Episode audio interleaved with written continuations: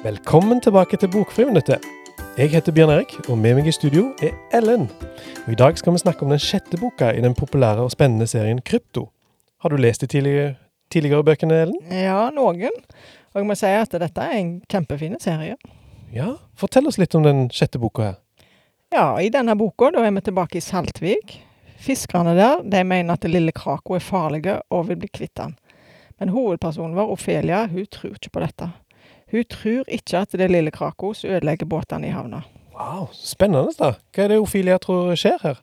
Hun tror det må være noe annet i vannet, kanskje et stort monster, så hun bestemmer seg for å undersøke sjøl.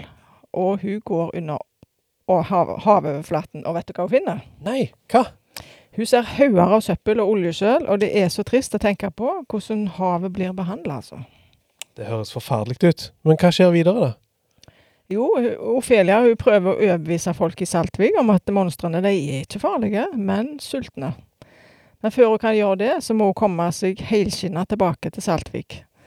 For hennes undervannstur, den er farligere enn noen gang, altså. Wow, Det høres ut som en utrolig spennende bok. Og så hørte jeg at det var en overraskelse mot slutten. Ja, det stemmer det. Det viser seg at Ofelia hun finner ut at hun har mye nærmere bånd til sjømonsteret enn hun sjøl tror. Men vi vil ikke avsløre for mye her. Dere må lese boka sjøl. Absolutt. Og hvis du som hører på har lyst til å lese denne boka, så kan du låne den på Karmøy folkebibliotek.